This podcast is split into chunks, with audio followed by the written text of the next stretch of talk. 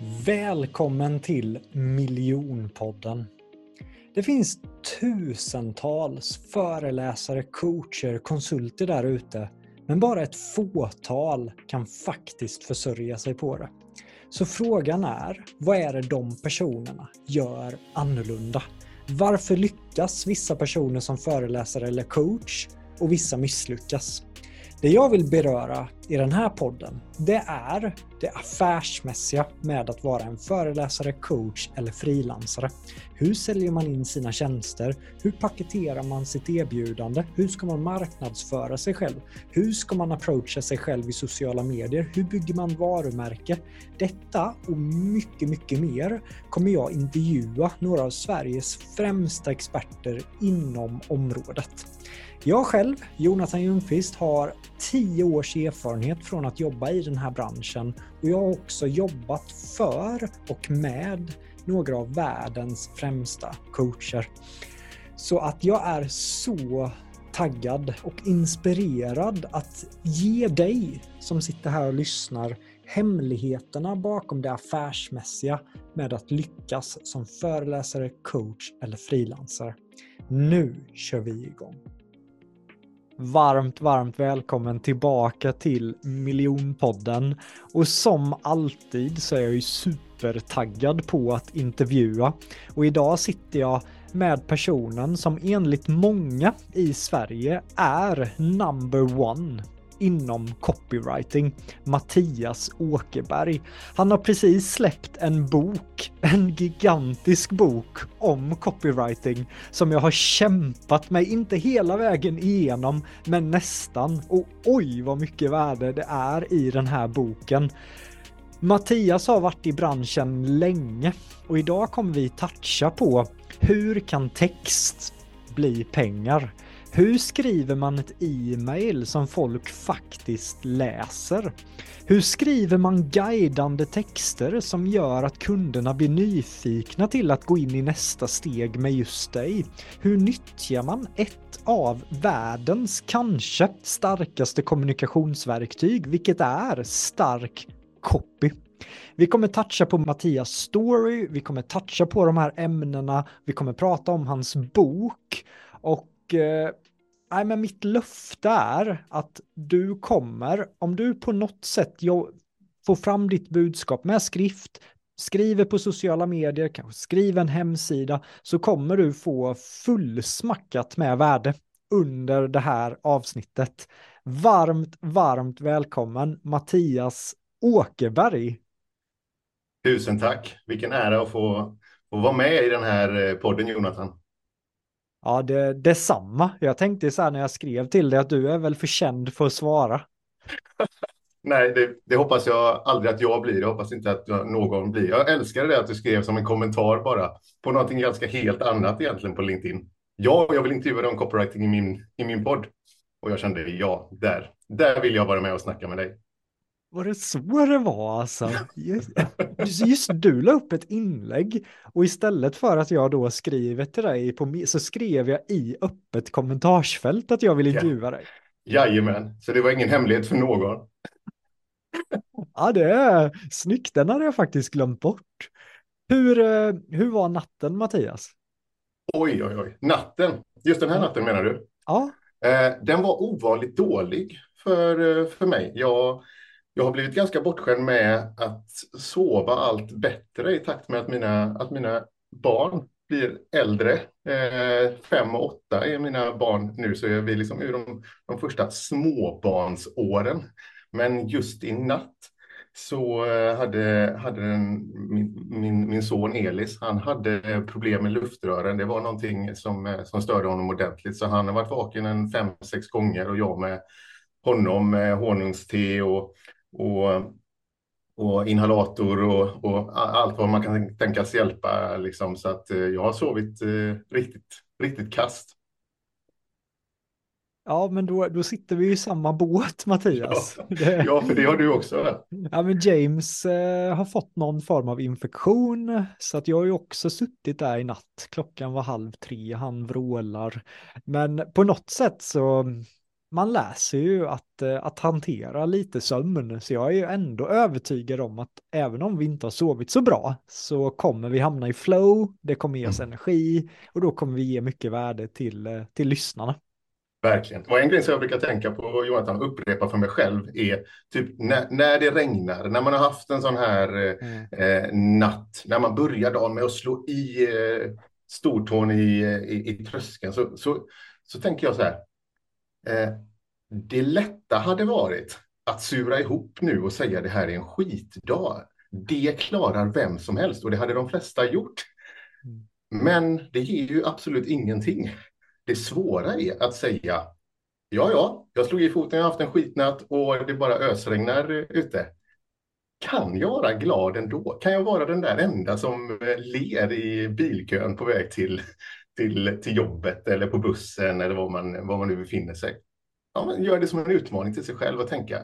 Mindset och inställning är ju allt. Det är det ju verkligen, och speciellt när man jobbar kreativt, som både du och jag gör, att eh, ibland sitter man där dagen efter en tung natt och ändå behöver man bli kreativ. Det tänker jag är en grej vi kan toucha på senare också, att just hur, hur får man upp skrivglöden, hur blir man kreativ? Så det är en av mina frågor framöver. Annars brukar jag tänka det som Jan Karlsson skrev på sin Instagram för ett tag sedan, att en dålig nattsömn har ingen som helst påverkan på din prestation dagen efter. Problemet Exakt. blir om det blir några veckor. Ja. Men just det citatet, jag vet inte mm. hur många gånger det har faktiskt räddat mig när jag ska köra en tio timmars workshop och inte har sovit. Mm. Så, du var ju med eh, och lyssnade på våran final för januarigruppen Mattias, eller du lyssnade i efterhand i alla fall. Exakt. Vad, eh, vad tyckte du om den? Ja, det var fantastiskt. Det, det, det, det räckte till en eh, två eller kanske tre promenader med min hund Milou. Jag gick där liksom och, och lyssnade sent på kvällen och blev oerhört inspirerad av alla som pitchade och presenterade och alla som var med liksom i, i gruppen, i gänget runt de här eh, föreläsarna. Det, det, var, det var fantastiskt inspirerande eh, och jag skulle liksom, ja vilket, vilket, eh, vilken, vilken, vilken trupp alltså, vilken, eh, vilket lag. Ja, men vi, eh, vi har hängt ihop i, i nästan två månader med den gruppen som har gått miljonkursen och då blir ju finalen när de ska pitcha skarpt, det är ju en sån stor del i kursen för att de tar ju action. Men just inför den här finalen så kom det, men det var ju över hundra pers, Magnus Helgesson satt och presenterade upp folk och det var, kändes väldigt, väldigt roligt. Var det, var det någon person du tycker stack ut lite extra bland de här tio talarna Mattias? Eller tycker du att alla var lika bra? Jag, jag, jag, skulle verkligen från hjärtat vilja säga att alla var lika bra, men eftersom det är, är ett ganska vaniljsvar så, mm. så, så eh, vill jag verkligen lyfta Edvin som jobbar med och kommer att jobba med en sån viktig fråga som psykisk ohälsa bland unga. Jag, kan inte, jag, kan inte, jag, jag har svårt att tänka mig en viktigare fråga än att vi, liksom, att vi ger det tillbaka till, till unga eh, idag. Och jag tyckte Edvin var superinspirerande och gjorde en, en, en, en, en pitch som bara träffade rakt i, i hjärtat på mig. Snyggt, det kommer han ju bli superglad att höra. Edvin har jobbat väldigt hårt, mycket med sin positionering också. Just i början när han kom in i kursen så var det som att ah, men jag ska prata om självledarskap och det blir väldigt brett, men när vi valde och verkligen, men vilka har Edvin högst förtroende för? Jo, men det är ju unga. Okej, okay, mm. vad, vad har de för utmaning? Hur kan, hur kan Edvin särskiljas från andra inom självledarskap? Och så sa han ju det att jo, men jag har full respekt för de här 50-60-åringarna som har gjort det här i decennier, men det finns en målgrupp som, som de inte tar med i och det är ju unga människor för att jag vet hur man kommunicerar med dem. Jag vet när man ska kommunicera. Jag är ju den målgruppen, vilket gör det lätt för mig att hjälpa den målgruppen. Och jag tyckte det var så vackert eh, positionerat. Verkligen, håller med. Det, det gäller liksom att hitta, jag är inte för alla, men jag är för den, den här eh, gruppen av, av människor. Då tror jag man blir man blir tydligare och det blir tydligare för, för en själv vilka man finns till för och vilka man hjälper genom, eh, genom det man gör i sin business. Jag har ju som sagt eh, många frågor förberedda här och eh, det var ju nästan så jag kände att okej, okay, det kanske får bli två avsnitt här. Vem vet hur långt vi kommer? Men jag gillar att börja med folks eh, story innan vi kastas in i alla frågor som jag kommer peppra dig med Mattias. Plus att jag har ju själv planer att satsa på nyhetsbrev och alla de här grejerna så jag är extra nyfiken för det, det är en grej som jag verkligen inte har knäckt än. Hur ska en nyhetsbrev, när ska man posta, vad ska man skriva om? Så att det är en sån grej som, som ligger i pipen så jag kände så här perfekt, här har jag ju Sveriges bästa inom det. men, men innan vi hoppar in där Mattias, vart eh, vart började kärleken för dig kopplat till copywriting? Jag började i Jönköping faktiskt. Eh, tro det eller ej. Eh, denna vackra stad. Jag är göteborgare i, eh, i, i hjärtat, kommer därifrån, pluggade i Jönköping. Och det var så bra för mig att gå på högskola för att jag hittade vad jag inte skulle göra i livet. Jag skulle inte jobba som informatör. Eh, som det hette då. Jag gick eh, det som i alla fall, precis innan jag började så, så bytte det namn från informatör till kommunikatör. Det blev liksom någon slags tvåvägs eh, eh dialog där. Istället så blev jag väldigt mycket mer intresserad och inriktad på att arbeta med reklam och fick upp ögonen för den här titeln copywriter. Men jag kände ingen copywriter överhuvudtaget kände ingen som arbetade i reklambranschen. Ändå så tänkte jag, där vill jag vara, det här vill jag jobba med. Så eh, när alla andra gjorde praktik på olika myndigheter, organisationer och kommuner eh, så gav jag mig iväg till en liten tvåmannabyrå på ett eh, loft uppe eh, i Umeå och lärde mig under eh, två månader massor om eh, reklam. Och långsamt så vandrade jag liksom sen eh, närmare branschen. Jag startade en blogg som redan då hette Please Copy Me, som mitt företag heter idag. Jag var liksom ett blankt blad när det kom till att veta någonting om hur skriver du texter som får saker att hända. Och jag tittade på de allra bästa inom eh, inom det här eh, yrket. Hur skriver de? Hur uttrycker de sig? Jag, jag till och med skrev av deras texter. Eh, och det är liksom en teknik som kallas för copyworking. När du gång efter annan skriver av andra duktiga skribenters texter. Helst för hand och gärna minst två gånger. För det som händer då är att du, liksom, du får in i, eh, i din egen kropp, i ditt eget system, upp i huvudet hur formulerar sig, hur väver, hur väver en duktig skribent sina meningar, sina argument? Och du slipper tänka, hur, alltså du slipper uppfinna hjulet för att någon annan har redan gjort det. Och det där är ju så, så tydligt i andra, andra professioner som skulle bli duktig på, skulle bli en duktig konstnär. Då tittar du på liksom, de stora mästarna och så härmar du och försöker liksom imitera. Jag, jag gjorde likadant när det kom till att skriva. Och, Mattias, vad sa du ja, att det hette? Eh, jag kallar det för copyworking. Copyworking. Snyggt. Copyworking. Jag, jag har faktiskt aldrig hört det tipset, så direkt satt jag här. Jag har ju en, eh, ett papper där det står frågor och sen har jag så här för egen del. Underbart. Underbart. Ju, jag hoppas kunna ge mycket, mycket nytt och copyworking är är, är då, eh, det glädjer mig verkligen Jonathan, en, mm. en, sån, eh, en sån grej. Och, och, fortfarande idag så gör jag så, jag hittar liksom en, eh, en ofta amerikansk liksom sälj, säljsida, en landningssida som vill sälja någonting och de brukar ju vara långa så jag, jag, jag, eh, jag gör en pdf av det och så har jag den framför mig så tar jag fram ett anteckningsblock och så skriver jag vad de skriver för att jag tänker jag kommer aldrig bli färdig, jag kommer aldrig liksom bli nu har jag ingenting mer att lära mig. Så att jag vill, trots att jag har arbetat med det här i närmare 20 år, så vill jag fortsätta att lära mig och bli ännu bättre hela tiden. Lära av de bästa och, och liksom fortsätta vara nyfiken och, och, och på tårna. Det gör, det gör jobbet så mycket roligare.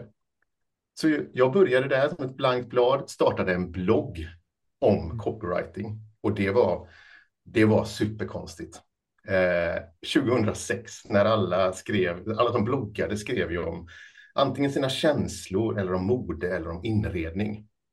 Så jag tänkte, kan man göra en blogg om copywriting? Ja, jag testar. Och det blev bloggen Please Copy Me, som undan för undan nådde allt fler läsare. Från kanske fem klasskamrater på reklamskolan från början till över tusen dagliga läsare med så otroligt nischat ämne, men så kraftfullt ämne också som copywriting. Att eh, sälja med och påverka med ord. Och jag fick jobb som copywriter. Kostymen var liksom på alla sätt eh, för stor. Jag var 25 och arbetade på en av Göteborgs största reklambyråer. Hade 100 kollegor. Och det, det, det, får verkligen räknas som en stor reklambyrå i Sverige. Det är oerhört ovanligt att man, att man har 100 medarbetare på en reklambyrå. Jobbade med stora företag och lärde mig massor. Men kände idag för 12 år sedan att nej, jag vill prova mina egna vingar. Jag vill stå på egna ben och jag vill driva mitt eget företag. Så att jag driver sedan dess Please Copy som ett, eh, jag kallar det för a company of one. Jag tycker det många gånger låter bättre än eh, frilans eller egenföretagare, konsult. A Company of One. Och det finns en bok om det också som jag verkligen rekommenderar. Har, har, har du stött på den, eh, Jonathan? Nej. Nej. Paul Paul Jarvis heter en eh, amerikan som har skrivit boken A Company of One, där han verkligen pratar om så här. Ja, men jag har så många gånger fått frågan, och det kanske du också har, så här, ska du inte anställa, ska du inte växa, ska du inte bli liksom 10-100 personer i ditt företag? Folk, folk utifrån har oftast liksom den förväntan på vad tillväxt är. Medan jag har sagt, nej, jag kommer troligtvis aldrig anställa någon. För jag vill ha spelutrymmet och jag vill ha liksom möjligheten till de egna besluten eh, och kan anlita många, många andra. Idag har jag ett team runt omkring mig. Och det är därför jag säger a company of one.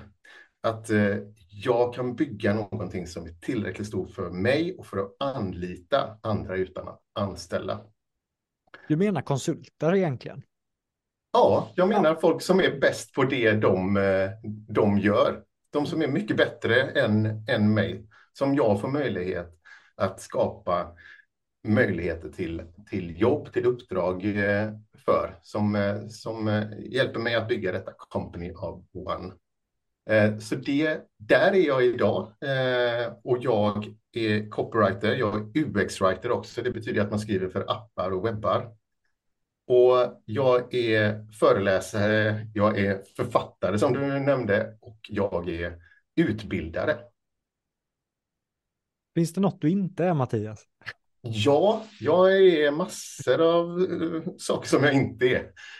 Utanför jobbet är jag man och pappa eh, också. Mina viktigaste uppgifter egentligen. Men nu pratar vi på jobbet och jag tänkte faktiskt på det i morse. Jag brukar liksom få en liten stund när jag går upp, sätter på kaffet och, och, och, resten av familjen inte har vaknat och kommit upp, då brukar jag få liksom 10 minuter, ibland 15.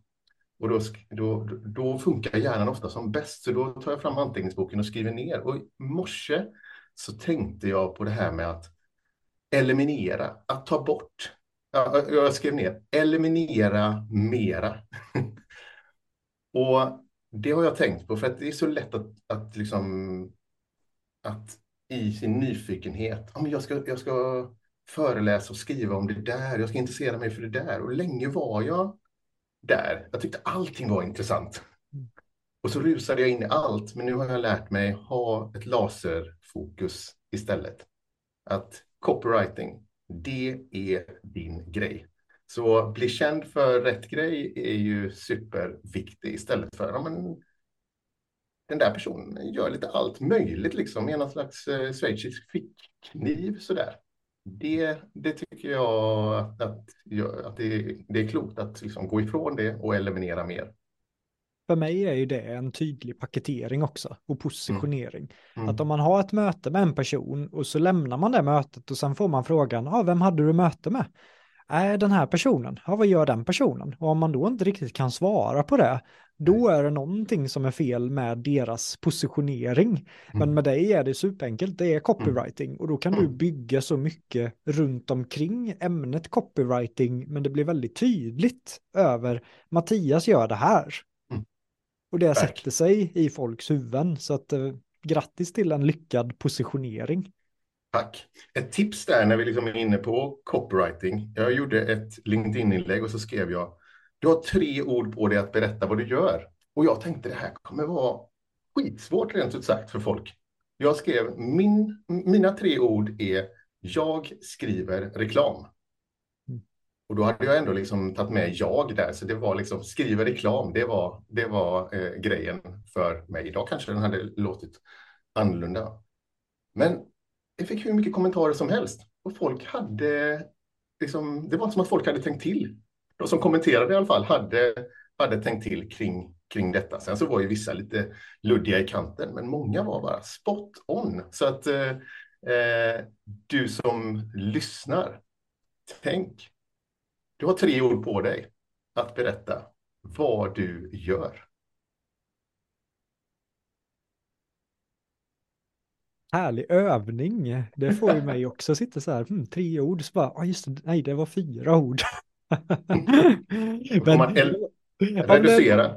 Om det är någon grej i din story som jag ändå hakade upp mig på som jag vill veta lite mer om. När du sa så här, jag flyttar till Umeå och jag sätts i ett loft och mm. där mm. Köttar jag i två, där får jag så här känsla, träffar du Yoda i copywriting där? Vad hände i det här loftet Mattias?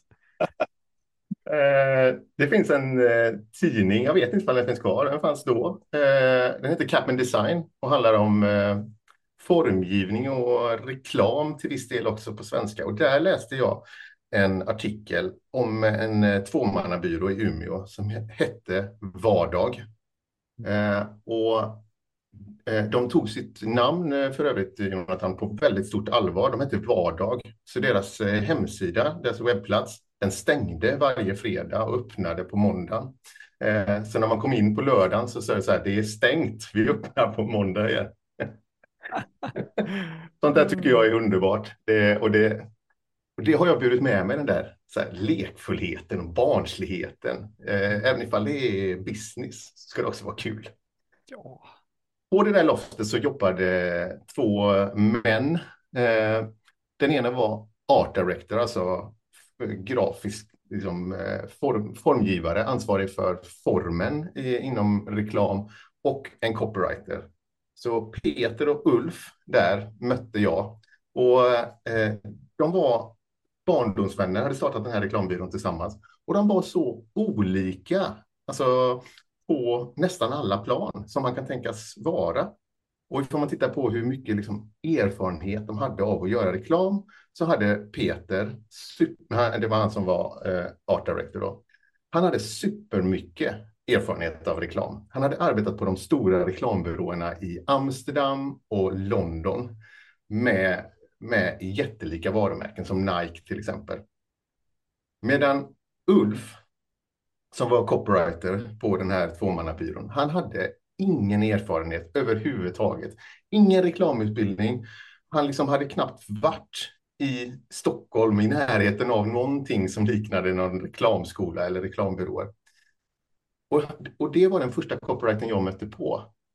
Han, eh, och han gav mig liksom det här perspektivet att de lär inte till det. Alltså gör det inte för, för, för, Eh, för, för, snobbigt, för invecklat, utan eh, lek med liksom dina, dina tankar, dina idéer och få ner dem till ord, det är riktigt bra copywriting. Eh, och, och det, det, handlar nog väldigt mycket om att vara liksom folklig. Att inte tänka om jag ska imponera på eh, branschkollegor, utan eh, jag ska skriva någonting som går hem hos, hos vanligt folk. För det är oftast, det är oftast eh, vanligt folk som du vänder dig till när du gör reklam för Rasses hamburgare till exempel, den norrländska hamburgerkedjan arbetade vi med då. Att inte krångla till utan att göra det roligt och, och enkelt och också påverkande. Snyggt. Och jag gillar det du säger med folkligt också. Jag hade grundaren av MyFlow, eh, Robert Blom här, som jag mm. intervjuade för några avsnitt sedan. Fantastiskt avsnitt. Och vi kom in på Olof Rölander som är mm. en av Sveriges Problemet är bara att det är så många som har vunnit Sveriges talare och hela rubbet så det blir ju, ja det känns som jag säger om hur många som helst Sveriges tal, men, men Olof Rolander har ju varit med länge i gamet, vet du vem Olof är? Absolut. Mm. Eh, och jag frågade Robert Blom, vad är, det, vad är Olofs absolut största styrka? Du som har sett Olof mycket på scenen. Och då sa Robert, ja men han är väldigt likable, han är väldigt folklig. Eh, och det var ju häftigt att du också sa det, så att copywriting och hur man är på scen, där kan det också finnas ett samband till att gå hem hos människor. Ja, jag gillar verkligen det, det folkliga. Jag gillar liksom och så här, eh, ja, men det som sker, oftast utan, utanför storstäderna, eh, är, är, så härligt och intressant. Liksom. Det är som att det, det är där det verkliga livet händer. Så här, jag var på speedway i somras eh, till exempel, eller så här, gå på folkrace och, och, och liksom eh, gå på så här eh, slagershow och, alltså, och ta del av eh, det, det livet som kanske inte är så credit eh, i liksom en storstadskontext. Eh, men de flesta också i storstäderna, de kommer ju faktiskt från en liten landsortshåla. Folk skrattar på scenen när jag drar något skämt om att eh, nej men jag är snål och jag är från Jönköping. Då brukar folk gapgarva. Jag bara, är det så folk ser oss från, från Jönköping? Men jag tänker Mattias, eh, eftersom jag har så många frågor nu, nu har vi fått lära känna dig, din bakgrund, vi alla känner säkerligen väldigt högt förtroende för dig just nu att vara den som svarar på de här frågorna. Men om man vrider det till min målgrupp som är föreläsare, coacher, konsulter. Varför är copywriting viktigt för föreläsare, coacher, konsulter?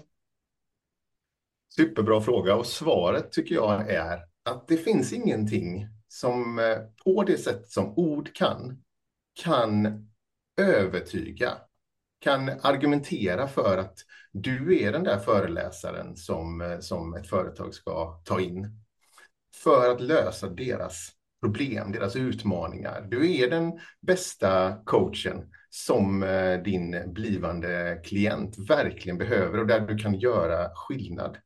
Så ja, när jag arbetade intensivt i två år med min nya bok, då kom jag fram till, och här kommer faktiskt fyra ord, men fyra bra ord. Jag skriver bara ord kan sälja.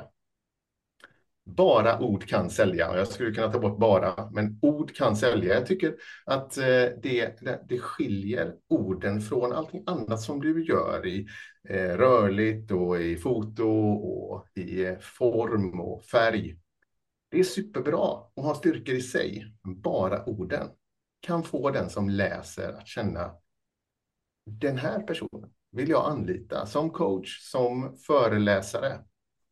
Så eh, att, att, att, verkligen lägga kraften där är ett så klokt arbete. För jag brukar tänka på att ja, men orden skriver du en gång och så publicerar du dem på, på din webbplats. Och sen så är de som små säljare, de här orden, som jobbar för dig medan du gör någonting helt annat. Du kanske är i ett Teamsmöte eller du kanske är på stranden på semester eller du kanske är vaken mitt i natten, Jonathan. Eh, och eh, under tiden så jobbar de för dig och hjälper dig att hitta och verkligen knyta an till eh, dina, dina nästa kunder. Så du skriver dem en gång, små säljare ut och jobbar. Det är, det är kraften i copywriting. De kan göra att du verkligen förvandla de där orden till, till pengar. Jag gillar att du är öppen med att bara prata pengar också. Det passar perfekt i min podd som är mycket fokus på det affärsmässiga. Så, mm. Och det var en av de grejerna jag noterade i din bok, att ja, men så, så skapas lönsamhet med copywriting. Mm. Vilka olika format för föreläsare, coacher, konsulter passar copywriting in? Jag tänker offert skriver man ju i. Man skriver i e-mail när man ska connecta med människor. man skriver i säljsidor, i hemsidor, det är så många olika format där man faktiskt använder sig av copywriting. Är det någon jag missar här nu? Sms kanske?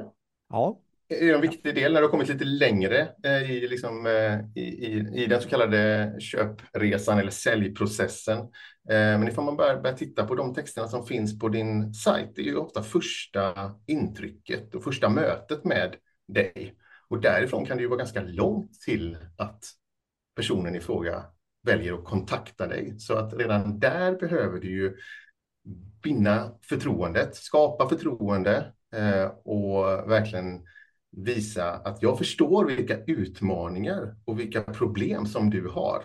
Och det häftiga när du med ord lyckas få den som läser att känna ah, här är ju en person som förstår vilka problem jag har.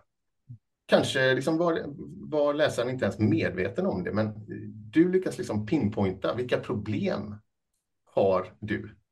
Då händer det häftiga att läsaren tänker, ah, Jonathan har förstått vilka, vilket problem jag brottas med. Då har troligtvis Jonathan lösningen också. Så, så, eh, så det här liksom sker, sker i ett. Liksom. Visa att du förstår problemet. Och då kommer läsaren att liksom verkligen tillskriva det att ja, den här personen har ju högst troligt lösningen eh, också. Så eh, texterna på webbplatsen är ju jätteviktiga, men också sedan eh, mail nämner du, eh, offert eller förslag på upplägg som jag brukar kalla det, för offert är ett rätt tråkigt ord. Tycker du? Att, ja. ja, alla använder ju offert. Eh, offert, då vet man ju bara så här, ja men här kommer, här kommer priset eh, komma liksom. Och så går man dit och så står det till och med offert överst. Liksom. Det, där finns ju världens möjlighet att, att vara den som särskiljer sig genom att skriva någonting annat. Vad skriver du där? Då?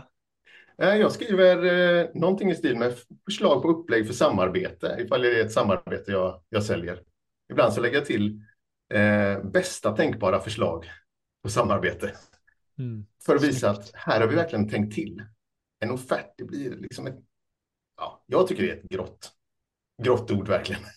Det vore kul att sätta dig i så här panel då med Liv Alteskär som nu promotar sig själv mycket som offertexpert. Så jag tänkte intervjua henne i avsnittet bara om offerter. Men just att sätta er två i samma och så får ni argumentera fram och tillbaka vad det ska heta.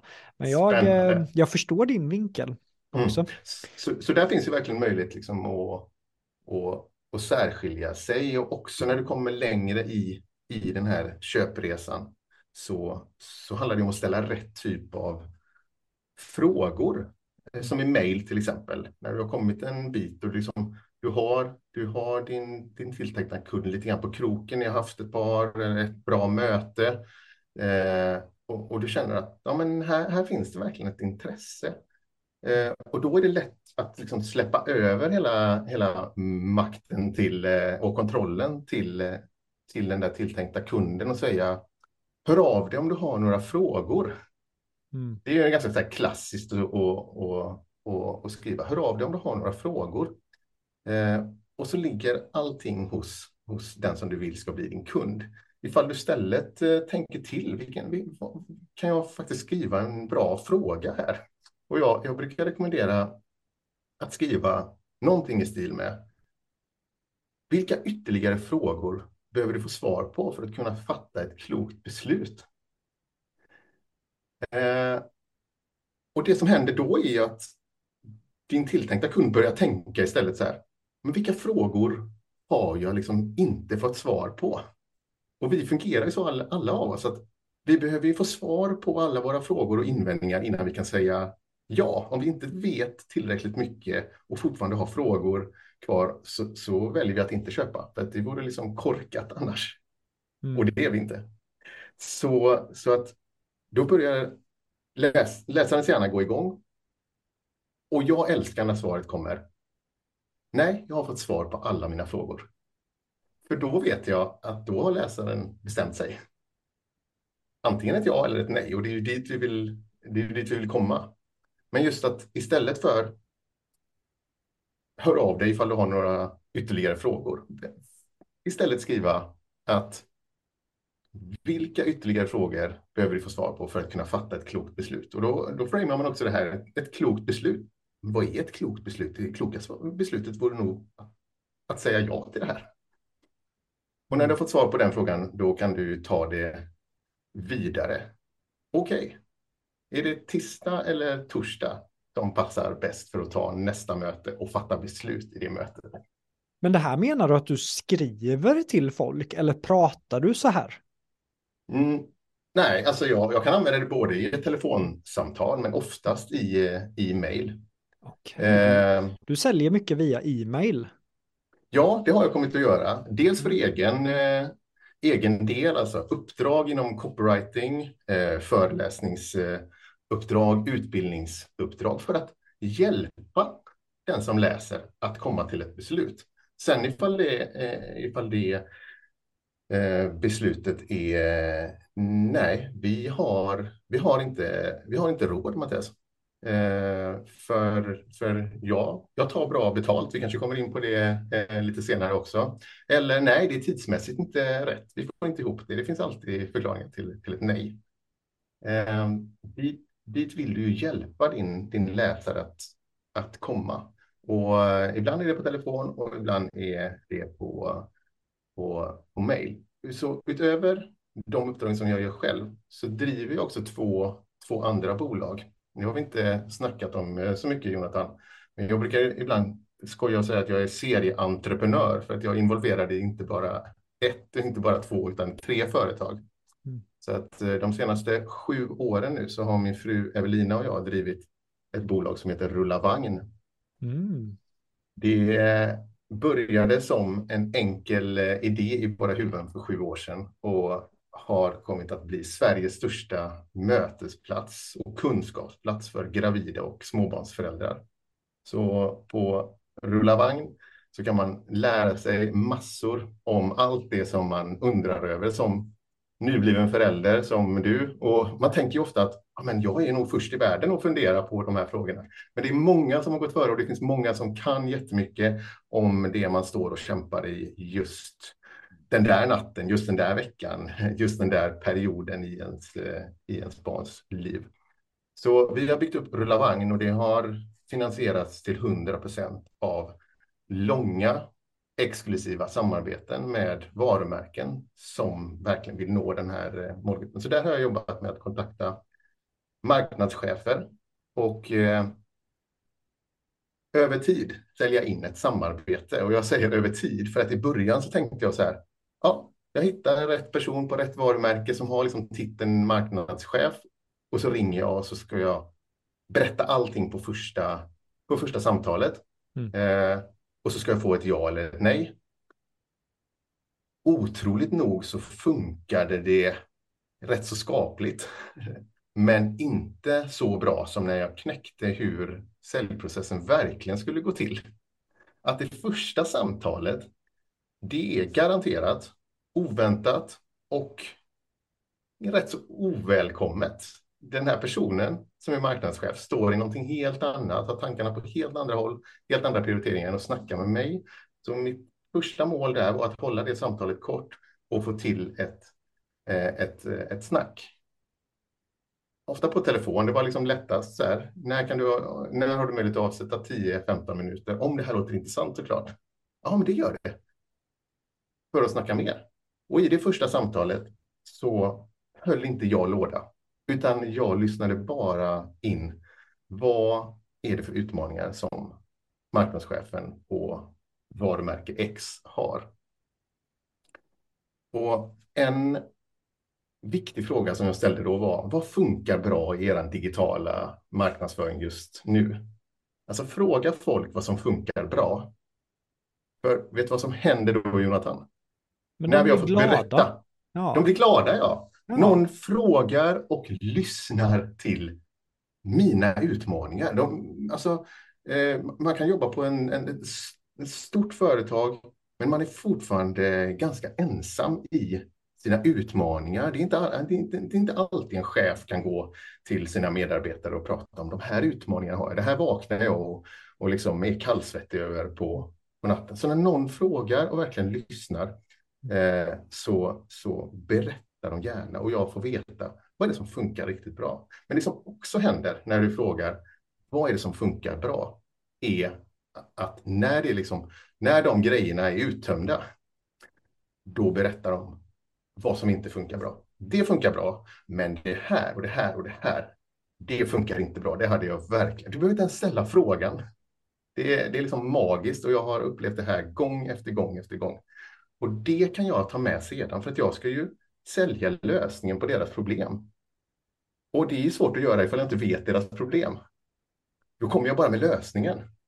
Och så får de själva göra, eh, den personen får göra den här tankeresan. Ja, den, den lösningen kan ju vara lösningen på det problemet. Men det är ibland inte förrän man börjar prata om det som att, som att det liksom bubblar upp till ytan. Ja, just det. Vi har ju så låg kännedom bland, bland, bland de här kundgrupperna till exempel. Eller vi brottas med det här och det här hos oss. Så eh, när jag istället använder liksom den säljprocessen så gick det så mycket bättre. Jag fick så många fler ja när jag började med att lyssna, förstå vilket är det verkliga problemet som jag kan matcha med våran lösning. Nu blir det långt här, men jag hoppas ja, men jag, att det var givande och intressant. Superbra Mattias. Alltså, jag gillar ju när det sägs, för många som lyssnar på min podd plöjer från första, andra, tredje och då blir det som en resa för lyssnarna. Mm. Och här kommer ett tips som jag inte tror någon annan har sagt. Och där kan jag själv också säkerligen vara något snabb med att, ja men vad är dina utmaningar? Men, men ibland är det ju väldigt, väldigt skönt att prata om det som är bra. Och inte, för det, för det blir ju så här den klassiska säljaren, det ringer telefonförsäljare att ja ah, men har du det här problemet, det har de flesta i ditt eh, grannområde och jag känner så här nej jag fixade det förra året. Mm. Vad vill du? Mm. hade, hade den personen frågat eh, vad, vad uppskattar du med ditt eh, nätverk just nu? Då hade mm. jag kunnat säga jo men det funkar ju med mina zoomdragningar. Det, problemet blir ju bara när Amanda kopplar upp sig också. Då mm. börjar det lagga. Ja, precis. och hade säljaren vetat det, då är det ett helt annat utgångsläge. Mm. Jag älskar den här och den går ju att göra i skrift också, i e-mail och så och i Absolut. samtal. Så att eh, klockren tips där Mattias. Absolut. Och, och det här ja. går ju hand i hand med, med ett av de första kapitlerna i din bok också. Mm. Som handlar mycket om att göra sin research. Ja. För att om man inte gör sin research, då chansar man ju. Mm. Man lägger pengar på design och bilder och allt möjligt, men man chansar med sina hooks, med sina mm. texter. Mm. Men om man gör som du här, man ställer frågor, man lyssnar, då kan man ju mer kalibrera sina texter på ett mer träffsäkert sätt. Verkligen. Vad känner du där med, med mer med research, Mattias? Mm. Ja, nej men alltså research tycker jag är ett, ett så viktigt första grundläggande steg. Eh, att, att börja med att lyssna och ta reda på vad det egentligen som är viktigt för den som, som läser. Men ibland så kan man inte alltid det. Det, liksom, det, det, det behöver komma ut en text ganska snart. Jag upplevde det jag har under de senaste tre åren skapat en utbildning i att skriva, att skriva säljande, att skriva guidande och att skriva eh, content, alltså innehåll som över tid ska, ska attrahera nya kunder. Och när vi, liksom, när vi lanserade den här eh, eh, kursen, eh, Sveriges kommunikatörer och jag, då, eh, då, då visste jag inte så mycket om de som skulle gå.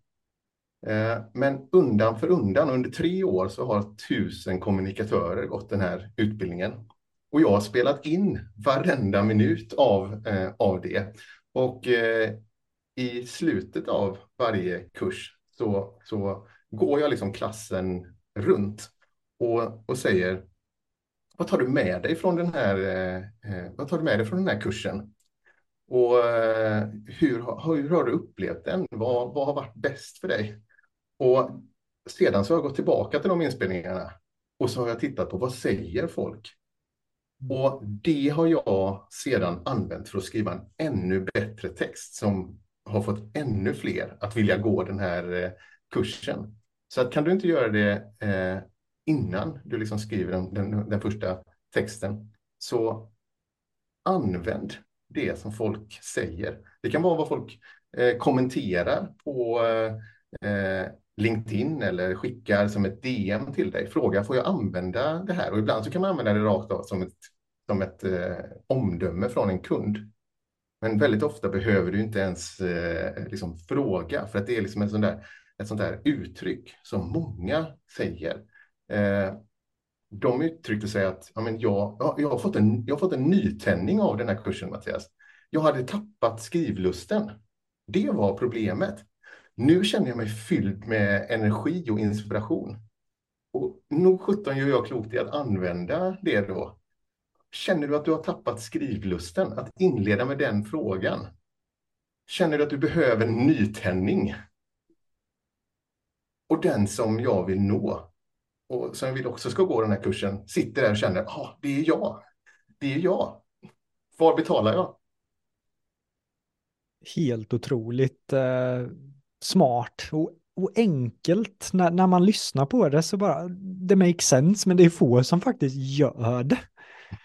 Men, men när jag skulle sälja in hookkursen, mitt andra mm. ben som jag står på, hur man bygger presentationer snabbt och situationsanpassat för mm. ledare och säljare framför allt. Mm. När, jag så, när jag testade pitchade i början så sa folk ofta, ah, men jag har inte tid för det här. Och jag bara, ah, så min målgrupp har väldigt lite tid. Och då satte jag en hook, jag lärde att bygga presentationer fem gånger så snabbt och fem gånger så engagerande. Och folk gick igång musik. på det. Så det ringer folk från Le äh, Estland. För jag har ju den hooken på min LinkedIn också. I help people improve their presentations fast. Så, så, folk i panik ringer mig, flyger från Europa till Hooks herrgård så att jag kan hjälpa dem snabbt. Och sen är de klara.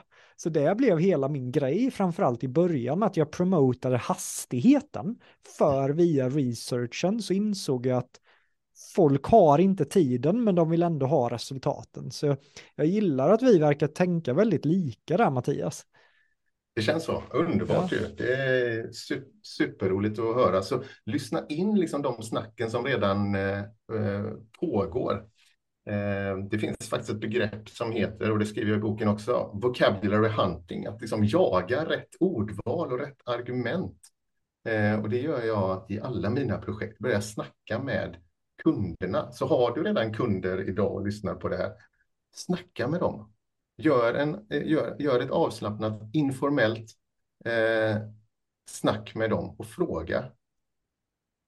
Fråga en sån fråga som hur var det innan du blev kund hos mig?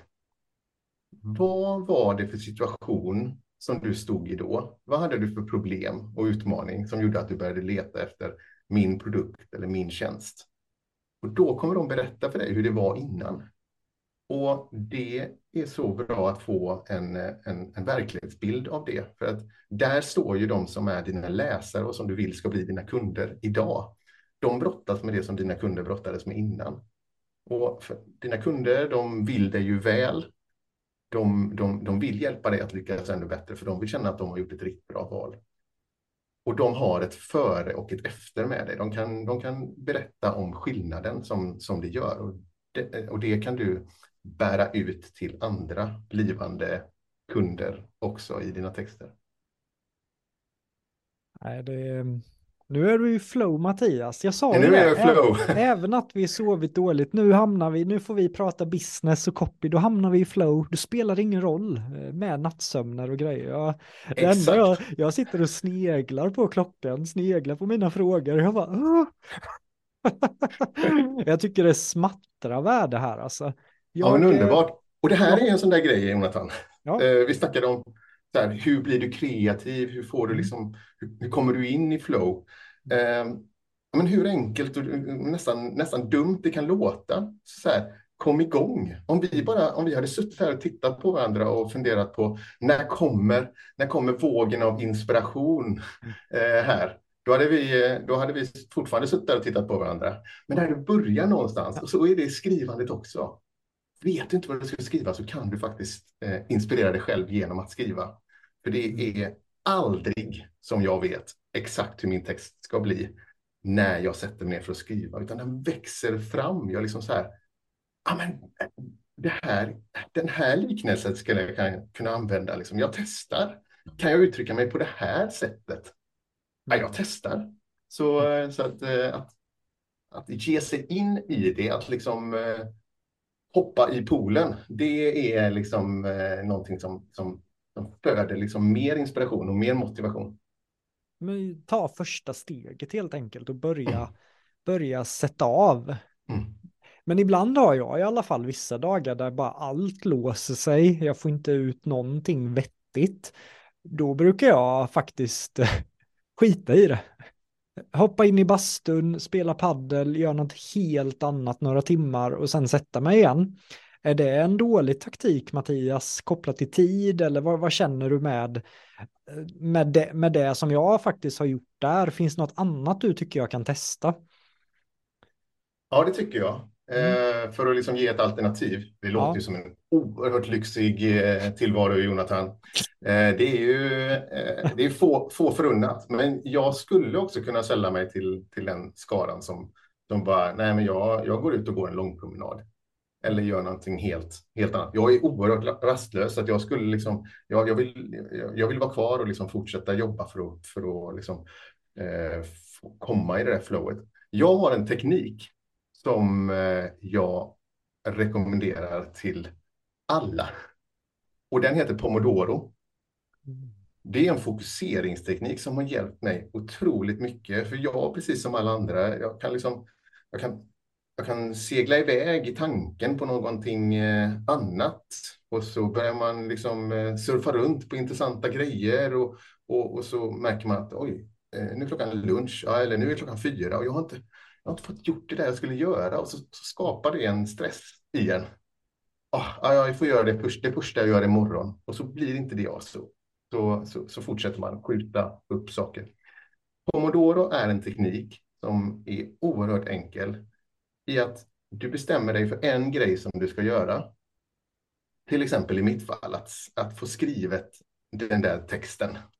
Och då ägnar jag 25 minuter fokuserat till det. Jag stänger av mail, jag lägger bort mobilen och eh, har jag folk runt omkring mig så berättar jag för dem att nu vill jag inte bli störd. Hörlurar på betyder stör ej. Hörlurar av betyder småsnacka. Och sen under 25 minuter så jobbar jag bara fokuserat på en och samma grej. Och då upplever jag ofta vad mycket tid 25 minuter är när jag inte blir störd, när jag får fortsätta också eh, efter att det har gått 8-10 minuter, när jag normalt sett brukar liksom störa mig själv eller bli störd av någon annan. Och när 25 minuter har gått och klockan ringer, då har du fem minuters paus. Nu håller jag upp eh, handen här så att, du, så att det blir supertydligt. Fem minuter. Då kan du kolla mejlen och du kan eh, småsnacka med kollegor ifall du sitter i kontors, eh, öppet kontorslandskap. Du kan eh, kolla mobilen och se att världen överlevde verkligen 25 minuter utan mig och jag utan den. Och när klockan ringer igen, då är det 25 minuters fokuserat arbete. Och en sån där halvtimme, en 25 minuter plus en 5 minuters paus, kallas för en pomodoro. Och när du har gjort tre eller fyra sådana pomodoros, då kan du eh, belöna dig med en eh, hel paddelmatch. Nej, i alla fall en eh, kvart, 20 minuter eh, god promenad, liksom sträcka på dig bort från, eh, bort från skärmen. Eh, Pomodoro-tekniken har hjälpt mig enormt mycket för att ja, men dels komma in i det här goa flowet och också att få saker och ting gjorda, även när jag känner ah, jag har sovit jättedåligt, jag, jag är liksom inte, jag är inte, jag är inte där, jag skulle vilja checka ut idag. Men att eh, putta, putta in tiden och säga det här är viktigt just nu. 25 minuter fokuserat arbete i taget. Jag, jag gillar att du utmanar mig där, för jag känner att jag kanske är lite snabb då med att så här lägga ner pennan och göra något gött istället. Men problemet är ju att då kan ju halva dagen försvinna. Och det kanske funkar för mig nu när businessen ja. går bra, men mm. hade det varit sex år sedan så hade jag inte haft det riktigt eh, eh valmöjligheten att bara skippa en dag Nej. på det här sättet som jag, som jag nu kan göra. Så, men så nästa mm. gång det händer så, så ska jag tänka på det här Mattias. Bra, inte bara tänka på det va? Du ska göra. Göra. Och jag inser att när jag är mest kreativ, det var Micke Linnord som jag intervjuade väldigt tidigt i podden, han sa ju till mig att det är inte fel att jobba några söndagkvällar här och var. Och först blev jag jätteskeptisk, jag bara nej, jag jobbar inte helger. Men då ringer ingen mig, då stör ingen mig. Så det, när jag har gjort det några söndagar nu, Alltså jag har ju fått lika mycket gjort på en dag på typ två timmar, vissa mm. söndagkvällar helt nere i källan, svara på e-mailen, lägger upp i Asana, skriver texter. Det är bara en ren flow, för det är också för att ingen stör mig en söndagkväll. Så det blir ju Precis. kraftigt kopplat till det här med distractions. Mm. Vilken flygande start du får in i, i arbetsveckan veckan sen. Det känns som att man, eh, det, det, var som Mikael Linno sa också, att eh, du hamnar ju också högst upp i chefernas e-mail. Liksom direkt ligger du där när de börjar beta av. Så ligger Exakt. du väldigt högt upp, så jag får ju ofta väldigt jumpstart när jag gör det. Superbra. Men jag som sagt, jag har ju stått mycket för att jobba inte helger och så, men nu har jag smygit vissa söndagkvällar och eh, jag tycker faktiskt det känns rätt bra. För då kan jag njuta ännu mer på måndag morgonen till exempel. Jag... Ja, eh, men... ja, förlåt, kör du. Jag använder den här tekniken också eftersom jag, jag har inte så många timmar på, på en dag faktiskt och, och, och jobba. Eh, tidigare så var det så här, jag gick upp vid eh, halv fem, fem ibland liksom för, att, för att jobba. Men det blir ganska slitigt för att jag var ingen bra på att gå och lägga mig tid på kvällen. Mm. Så den som pratar om att gå upp tidigt och mm. jobba, ja det kan vara guld verkligen. Eh, för där blir du inte heller störd av någon mm. eller något. Eh, men, men det man måste komma ihåg då är att ja, klockan, klockan nio eller tio senast behöver du ju somna. Och det fixade inte jag riktigt, så att jag har gått ifrån mer och mer att vara en, en sån morgonmänniska. Jag brukar ta det ganska lugnt och inte börja jobba förrän klockan nio kanske och jag vill gärna lämna jobbet vid tre, halv fyra. Vilket gör att ja, det blir inte många timmar jag har att spela med, så jag måste ta vara på tiden. Mm. Jag fattar. Då blir pom Pomodoro. Uttalar Pomodoro ja. ja. ja. Pomodoro. Den, eh, den ska jag verkligen kolla upp mer. Jag tänker, jag hoppar in i, jag vet ju att du har gjort ett eh, väldigt framgångsrikt utbildningskoncept där du har stora grupper och där vet jag också att du, har, du omsätter bra för varje grupp. Hur, vill du berätta mer om, om den processen och hur du har sålt in det?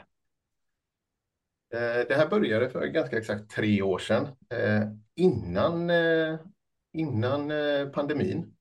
Och Sveriges kommunikatörer som är en, en, en, en branschorganisation för, för förstås Sveriges alla kommunikatörer kontaktade mig och frågade vill du tillsammans med oss utforma en, en, en kurs i skrivande för kommunikatörer? Och det ville jag gärna. Jag paketerade en efter vad skulle ge absolut mest värde. Och så var det ju liksom tänkt att det skulle vara eh, fysiskt och det skulle vara 14 i taget som gick den här och liksom satt i den där hästskon eller runt det där konferensbordet eh, i en fysisk kurs. Så kom eh, pandemin och eh, vi behövde ställa om. Och för mig som redan hade ett utbildningsprogram digitalt då så, så var det inte några problem. Men det som fortsatte länge var att jag utbildade 14 personer i taget. Eh, och det var jättehärligt för man fick liksom det här i, i, i Zoom-klassrummet så fick man ju verkligen ett ansikte på alla. Alla kunde göra, göra sig hörda i chatten och, och, och med, med sin röst. Man verkligen kände sig som en klass. Men det jag insåg ganska snart är att jag säger samma sak till 14 personer i taget. Går det att hitta ett ett bättre sätt att utbilda, att ge liksom, eh, det, det, som är, det som jag kallar för input i, i eh, kursen på ett bättre sätt. Så eh, jag föreslog att jag utbildar alla i eh, två halvdags webbinarier. För eh, det är så mycket att ta in och jag vill ju ge så mycket energi. Så förmiddagar, två halvdagar, gjorde vi webbinarier. med 100 deltagare i kursen. Det visar sig funka otroligt bra. När du har en hög aktivitet i chatten, när du öppnar upp för frågor, när du lyfter verkligen personer som är med och sedan så följs det upp av att, eh, att man har skrivdagar. Vi har skrivdagar då vi jobbar i mindre grupper, då, då alla syns och finns med och verkligen eh, den här inputen blir output också. Så, eh, så att eh, den kursen har idag tusen kommunikatörer gått. Det är helt fantastiskt och det är en sådan rolig resa som jag bara kommer att fortsätta med. Men som själva takeawayen är det väl, kan jag, kan jag tänka smartare? Kan jag utbilda eh, fler än att vara, vara där för 14 i taget?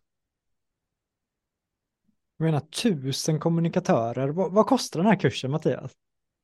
Eh, idag kostar den mellan 10 och eh, 12 000 att vara med på och då får du otroligt mycket värde. Du får utbildningen, du får skrivdagar eh, och du har, eh, du har liksom ta del av, kunnat ta del av allting också efteråt.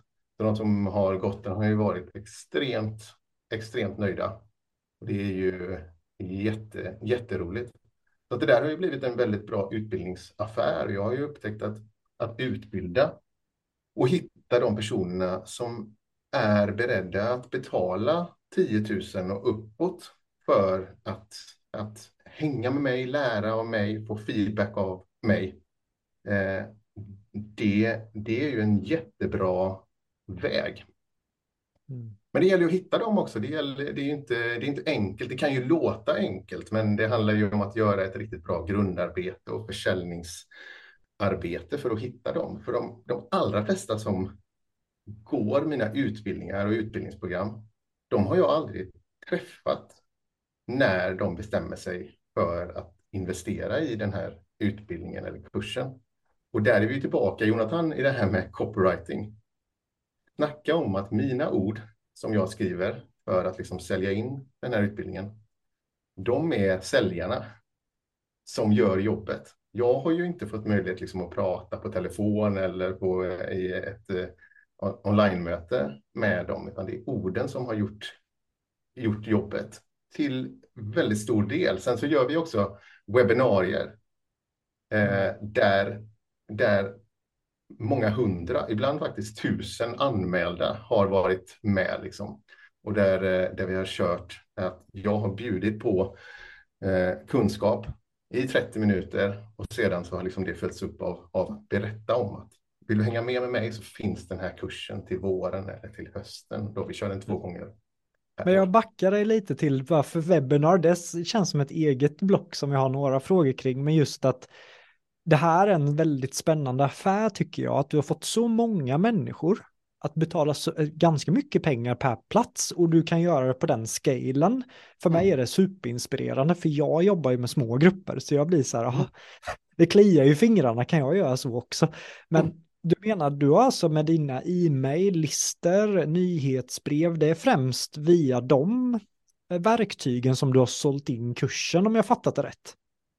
Ja, det är det ju. Jag, jag, och det här ska jag säga också att jag har gjort tillsammans med Sveriges kommunikatorer. Så att vi har ju liksom dragit och hittat liksom, eh, eh, rätt deltagare till de här kurserna tillsammans. I mina kanaler, nyhetsbrev till exempel, eh, på LinkedIn och genom att, eh, att locka med de här eh, webbinarierna.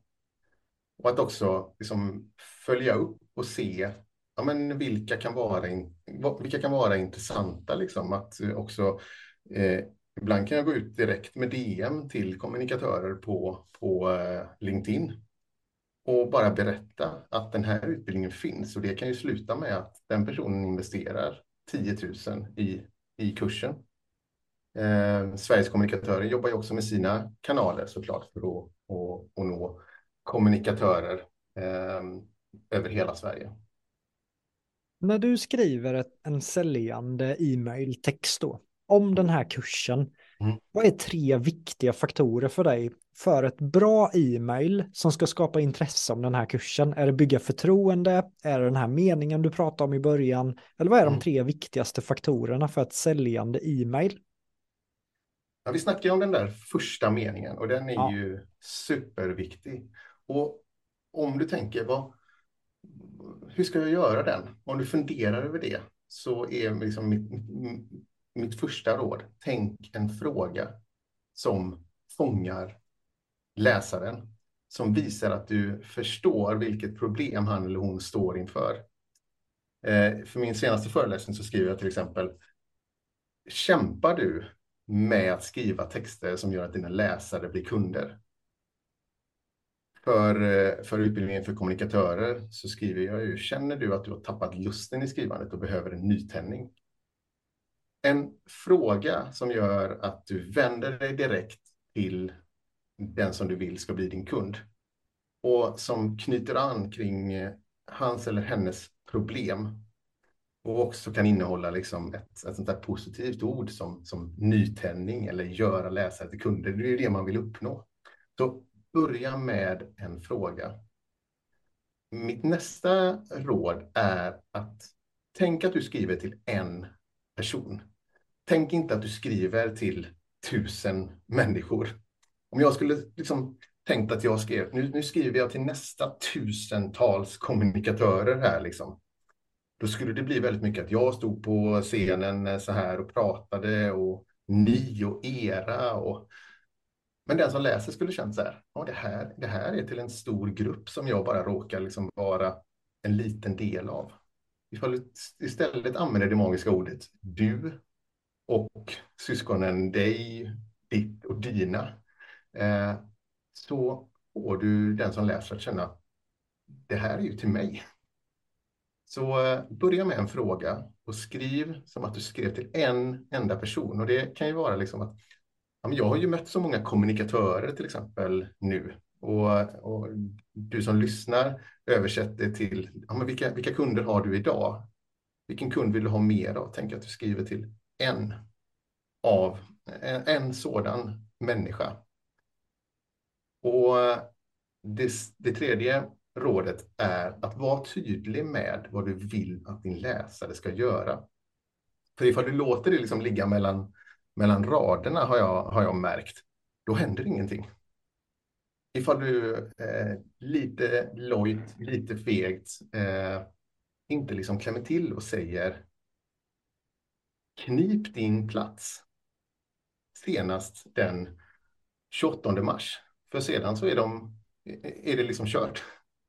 Eh, och du också berättar exakt var, var man ska knipa den där platsen. Då, då har du en tydlig call to action. Just det, då, jag skrev faktiskt blir... upp det här CTA, att eh, det är ju ett viktigt steg att leda. Liksom, här, varsågod, ja. här är nästa mm. steg. Ja, för annars så liksom lämnar du läsaren där att, man, att han eller hon själv får räkna ut mm. vad man ska göra. Men har du, har du formulerat orden på ett träffsäkert sätt så kommer din läsare känna var signar jag upp någonstans? Och det får inte vara svårt. Mm. Eh, och det får inte vara otydligt, utan en tydlig call to action. Det är tre råd. Det är jättebra, så kort summering bara. Börja med en ledande fråga som touchar på problemet och det kan vi bara göra om vi vet vår research. Så det jag gillar här är att vi väver flera block samman som vi har pratat om. Tydlighet kring eh, CTA-aspekten. Mm. Hur mm. signar jag upp? Det ska vara mm. enkelt, inte komplicerat. Exakt. Nu ska vi se, då sa jag den, den och den tredje. Den tredje var ett ett du-tilltal. Ja, du tänker det. att du skriver till en person, oh, aldrig till en det. målgrupp. Ja, det var någon som föreslog i chatten på en utbildning, kan man inte prata om målperson, Mattias? och jag köpte det på en sekund. Ja, målperson. Tänk, ja, du, vad för typ av kund vill du ha ännu, ännu mer av? Skriv till den. Jag funderar på att skriva ett e-mail då, Mattias, till börs Ja. Så hur skulle det här, få det här godkänt av dig? Nu bara kommer jag upp det i farten, mm, mm, för jag håller på och filar på en pitch mot börs som jag mm. blir taggad på. Ja. Känner du dig orolig som börs för din nästa presentation kopplat till att göra investerarna glada och trygga? Frågetecken. Mm. Låt mig berätta om en lösning. Ja. Hade den funkat, tror du? Den hade, den hade absolut funkat. Du berättar vem du vänder dig till. Eh, du vågar prata om eh, problem, det här med liksom oron för presentationen. Jag skulle råda dig till att eh, korta den första meningen lite. Mm. Frågan kan gott bli två, två frågor. Och då blir det mindre att ta in i, i taget. För när du skriver en lång mening, då blir det mycket att ta in från start till eh, punkt eller frågetecken i det här fallet. Snyggt. Så gör det till två frågor. Eh, men också så bra att ja, men då, har jag, då har jag lösningen för dig. Det är bara så här, ja, berätta om den. Jättebra. Det man också kan göra är att vänta lite grann med att berätta om lösningen. Det finns en, finns en sån här copyformel som du är liksom eh, verkligen på nu som heter PAS. Och det står för problem. Och sen A betyder agitate. Jag är inget proffs på engelska så jag har läst mig till att det liksom handlar om att så här, röra upp och skaka om liksom. Och sedan så kommer S som betyder solution eller solve. Och du har ju två av delarna här i den här texten, Jonathan. Du har problemet, oron för presentationen. Och du, har, du säger att du har lösningen och den kommer ju liksom sen. Men det du kan göra däremellan är att liksom vrida om kniven mer. Mm. För den här börs kanske tänker, nej, jag, jag wingar det här lite grann. Jag fixar väl det som är så erfaren. Jag är ju chef dessutom. Men om det går fel, om liksom presentationen skiter sig och den liksom inte träffar rätt, vad är det som händer då? Så det, det är bra att berätta för din läsare om du inte gör någonting åt det här problemet. Om du inte köper min lösning, då kommer det här att hända. Då kommer, eh, då, då kommer aktieägarna att bli sura de kommer, eh, det, det, här kommer att hända och som ett resultat av det så kommer det här att hända. Och det där kan du dra långt liksom. Ja, ja, alltså det är ju det är en av de viktigaste presentationerna som, som körs. Jag har ju kollat nu och gör min research och ofta är det väldigt låg nivå skulle jag säga på de ja. presentationerna mm. som är så ex mm. det kan avgöra om folk investerar, om de säljer, köper. Så jag känner ja. att där har jag en väldigt spännande målgrupp som jag går igång på. Mm. För jag lär så... mig ju mycket av sådana, men superbra tips. Problem, agitate, solution. Sen tänkte Precis. jag på det du sa tidigare med din fråga, vad var bra? Så mm. att man kanske kan trycka på att, ja men vad, vad kan det bli för fantastiska aspekter också när vi nailar det? Exakt. Det får komma i, liksom, i lösningen. När du väljer att ta action, men bara då. Då kommer det här att hända. Det här kommer bli resultatet av att du, att du gör någonting och sedan så kommer det med din tydliga call to action. Det första steget är att du kontaktar mig. Du ringer mig på det här numret och du kan också addera det som, som, eh, som kallas för urgency. Och det är ett så fint engelskt ord som betyder både bråttom och viktigt. Att någonting är urgent, är bråttom och viktigt. Så du kan ju säga att du, du har bara du har bara fem platser eh, för liksom, att coacha kring, kring det här under hela 2023. Då blir det eld i baken på de börs som fattar att de har ett problem och det kommer inte att lösa sig av sig självt. Jag behöver Jonathan. Jag gillar att du också slänger dig med engelska ord, urgency, CTA, call to action. Jag är ju samma där. Mm. Jag tycker att urgency är superviktigt för mm. att få folk att ta action. Ja. Jag menar, anledningen till att jag investerade flera hundratusen i Tony Robbins, det var ju för att det spreds ett rykte att hans stämband håller på att eh, gå av, så ta chansen nu innan Tony tappar rösten. Mm. Så jag köpte ju alla hans kurser i panik och sen övertygade jag alla andra om att visa sitt. Och sen fick jag höra att det här var som en säljstrategi för att skapa urgency. Och då hade jag liksom skickat över 20 pers på hans kurser med det argumentet. Så urgency blir starkt, det får folk att ta action. Många Verkligen. säger till mig med miljonkursen att nej men jag väntar till hösten. Bara, mm. Du kan absolut vänta till hösten, men det kommer bli en prisökning på miljonkursen till hösten. Och då väljer ofta folk bara, jaha, nej, men då kör jag maj. Eller då kör jag mars. Och det är ju sant också, det är ingenting jag säger, utan nu har vi för många som väljer vippen. Mm. Vi behöver höja priset på vippen, för jag kan inte coacha sju pers per grupp fem timmar. Det blir för mycket timmar. Jag vill vara med ändå. Jag tillhör dem som höj, höj gärna dina priser. Jag är med. Okej, ja, för jag har ju skrivit upp dig på augustigrupp. Kan du den 18? För vi håller på att spåna på datum nu, Mattias. Jag ser till att kunna den 18. Jag har, jag har lovat dig att jag är med efter. Alltså, så, vilken, efter sommaren. vilken dröm att få jobba med dig. Jag känner att jag utvecklas bara av att intervjua dig.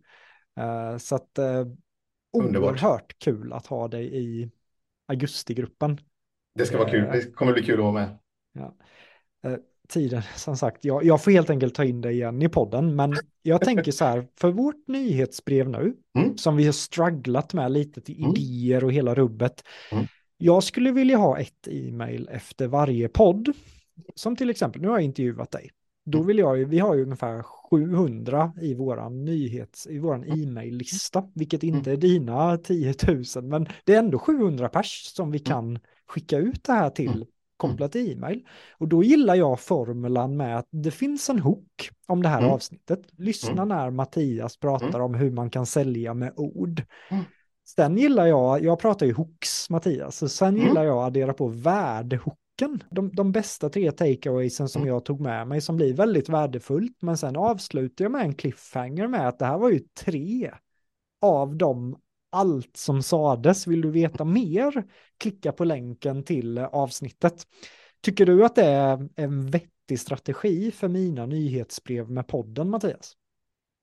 Det tycker jag verkligen. För att du ger någonting då, både till den som väljer att ja, men just nu så har jag eh, tid att läsa de tre viktigaste grejerna. Och då får jag någonting med mig, då får jag, då får jag värde av eh, det här nyhetsbrevet. Alternativet hade ju varit att säga, nu finns ett nytt poddavsnitt att lyssna på. Gå in och lyssna på det. Och, så, och det, det ju egentligen frågar din läsare då är, har du 60 minuter över? Och de flesta som läser eh, sina inkommande mejl känner nej, jag har 30 sekunder över. Vad har du att ge mig då? Så att du, du ger på två nivåer här. Den som, eh, den som har 30 sekunder, de allra flesta, men också så planterar du ju någonting. När du har 60 minuter så lyssna på hela avsnittet. Så det, det tycker jag är eh, en superbra grej. Det jag vill addera och skicka med när du, när du skriver nyhetsbrev är att igen tänka på att det är garanterat. Även ifall det, det här nyhetsbrevet går ut till 100 personer, 700 eller 10 000 så är det en person i taget som läser. Så tänk att du har din läsare framför dig. Så skriv du. Vänd dig verkligen till, eh, till, eh, till ett du kanske vända på det istället för det här är tre grejer som, som jag tar med mig. Det här är tre grejer som, som, som du troligtvis kommer att gilla med det här avsnittet.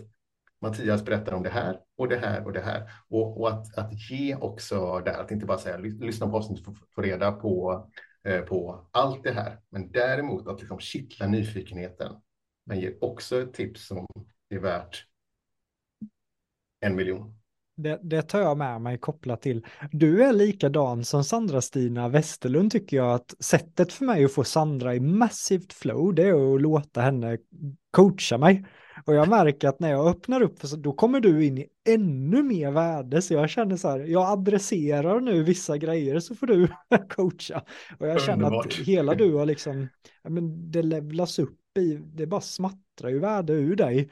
Jag tänker det här med du-språk är också Mm. mycket till de här titlarna jag har för podden och du har ju också en podd. Mm. Men jag har märkt att när jag använder du-språket i titlar Mm. så går du från anställd till egen utan ekonomisk stress. Det är ett av de mest lyssnade avsnitten som jag har spelat in. Väldigt mycket du. Sen spelade jag in ett avsnitt som jag trodde folk skulle gå igång på supermycket som jag döpte till. Så gjorde jag mina första fem miljoner. Ett, ett, ett, värde, ett avsnitt som smattrar av värde men inte alls lika mycket lyssningar. Och där är det ju också den stora skillnaden är ju, där hade jag ju kunnat skrivit så gör du. dina första fem miljoner istället för att använda jag. Om du lyssnar på det här Erik kan ju du bara byta ut det i den titeln. Eh, men, men jag tycker att det du säger resonerar på många plan. Mm. För det är ju den viktigaste personen eh, för oss alla, oss själva. Vi tänker, vad kan det här ge mig? Och det är ju liksom bara att köpa och acceptera att vi, vi, vi tänker vad kan det här ge för värde till mig? Alla av oss tänker så, så att använda du och vända på det. Du skulle kunna lägga till ett också i den där, eh, i den där poddtiteln. Så kan du också tjäna dina fem första miljoner. Du också? Ja, men Jonathan har ju redan gjort det. Snyggt, vilket skapar mm. förtroende med ju. Mm. Jag kan ju bara tänka hur det är att anlita dig som coach Mattias, att man kommer med titelförslag och sen kan du bara tweaka det och det kan ju vara skillnaden på om man säljer eller inte säljer. Så jag hoppas att du coachar mycket inom sånt här. Vad coolt alltså. Ja, men det gör jag. Och det jag tycker är liksom härligt med att coacha och ge feedback är ju att jag får ju ge hjälp. Jag får ju, eh, den jag coachar är ju redan duktig. Men jag kan hjälpa att liksom höja ett, två, tre knäpp och få vara med på den resan är ju liksom bara en ynnest som coach. Du pratar ju mycket också Mattias om att man ska investera i andras material och kurser, men mm. också att göra det i utbildningssyfte och fråga sig själv, vad får jag för e-mail nu? Mm. Varför köpte jag? Vad mm. hände när jag köpte? Mm. Hur är processen nu? Mm. Vad fick mig att köpa ännu en kurs? Så att man också analyserar ur ett försäljningsperspektiv det man köper. Det tycker jag var ett jättebra tips som du gav under vårt förberedande samtal för den här intervjun. Precis. Är det något du gör mycket, Mattias? Jo, men det, det är det. Jag, jag ser till att ta bra betalt när jag jobbar.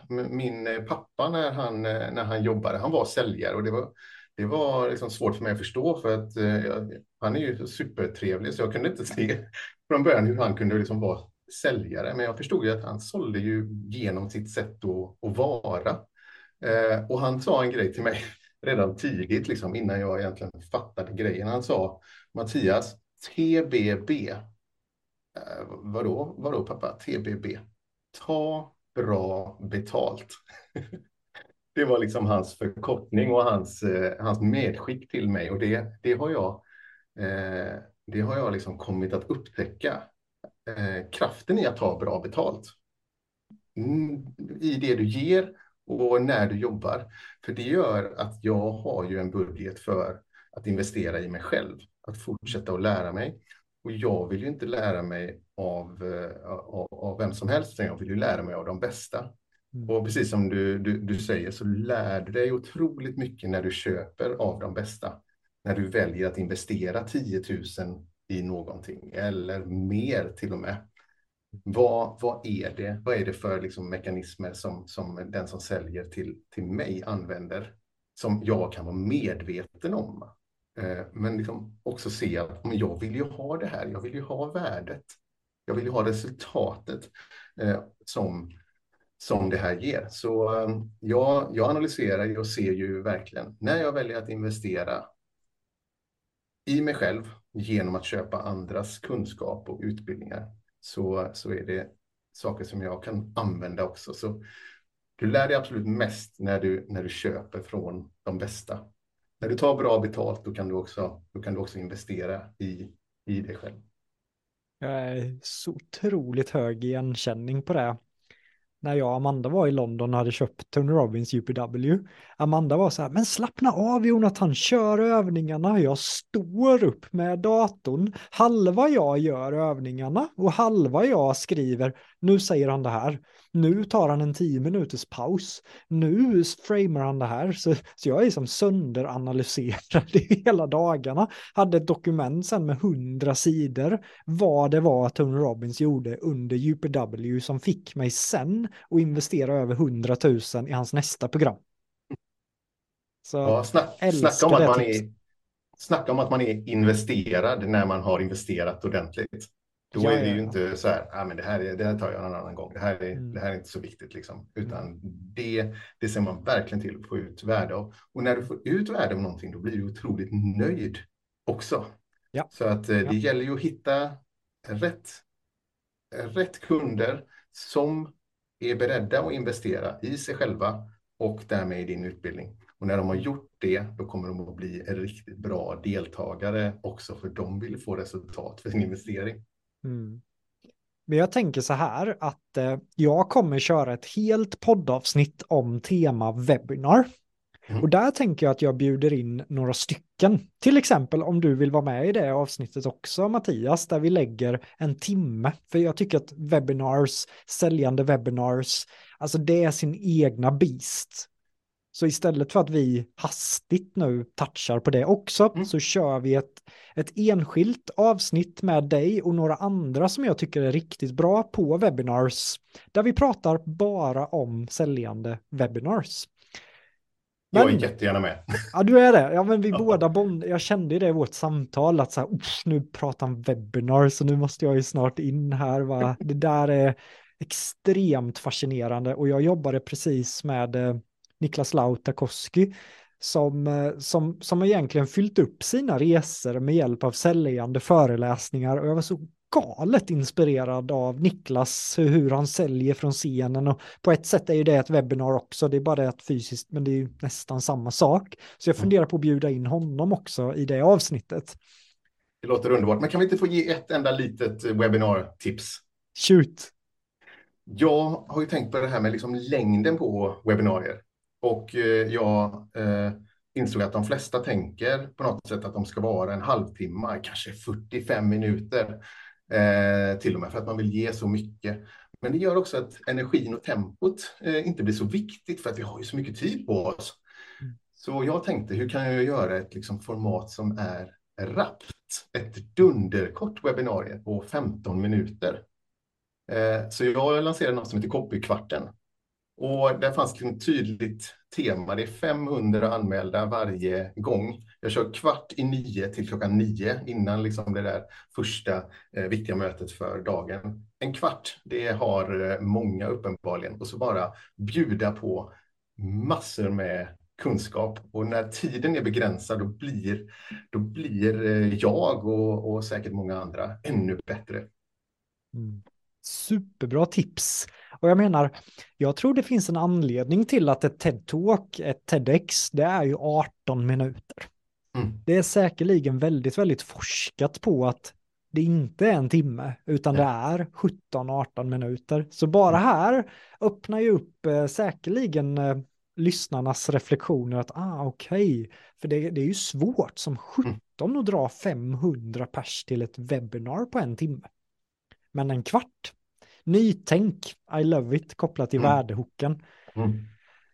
Mattias, om du får eh, pitcha din bok eh, kort, concist, vem är din bok för? Varför ska man köpa din bok Copyboken? För jag tänker länka den här under avsnittet också.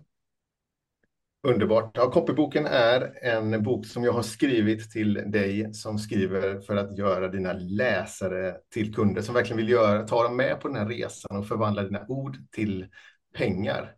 Och eh, jag har skrivit en eh, bok som eh, verkligen ber om att bli läst. Jag lovar dig att det kommer vara roligt att läsa den. Det kommer vara lättläst trots att den är 360 sidor. Du behöver inte läsa allt på en gång. Den ger dig massor av kunskaper om hur du skriver, men framför allt hur du tänker. Hur du liksom eh, kommer på ingångar för din text, hur du argumenterar i din text. Så den handlar jättemycket om eh, att eh, sälja och att göra det med ord. Snygg, snygg pitch.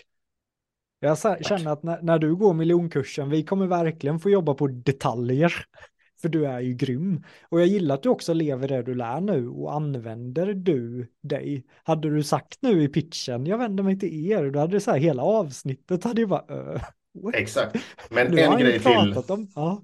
En grej till Jonathan. Call to action. Och då säger jag googla copyboken så hittar du rätt. Det räcker med att googla copyboken. Snyggt. Mattias, det har varit eh, helt fantastiskt att ha dig i miljonpodden och eh, det känns ju som att det här blir starten som, som jag säger till många av mina gäster på ett långsiktigt samarbete. Jag menar, att få ha dig i miljonkursen till hösten är som sagt en ära och vem vet vad som händer efter det. Jag bjöd dig till Toscana också, men då skulle du på någon annan resa. Mm. Jag känner verkligen att vi, vi kommer kunna hjälpa varandra under resans gång och jag tar jättegärna in dig som gästföreläsare också för, för mitt community av föreläsare och coacher. Känns jättespännande med, eh, ja men från att vårt första samtal i veckan till det här, hur snabbt vi ändå har connectat på något sätt. Underbart. Ja, det är ömsesidigt Jonathan. Det känns ja. jätteroligt. Det, det bästa har inte hänt än kan vi konstatera va? Så är det, så är det. Ha en eh, fantastisk dag du som har eh, lyssnat på det här avsnittet och eh, skicka gärna ett PM till mig eller Mattias vad du tog med dig från det här avsnittet. Och jag blir superglad om du också går in och betygsätter den här podden och att att du får gärna skicka den vidare till en annan föreläsare, coach, konsult som, som du känner behöver den här kunskapen, som behöver de här verktygen för att ta nästa steg. Ha en fantastisk dag så ses vi igen snart i nästa avsnitt av Miljonpodden.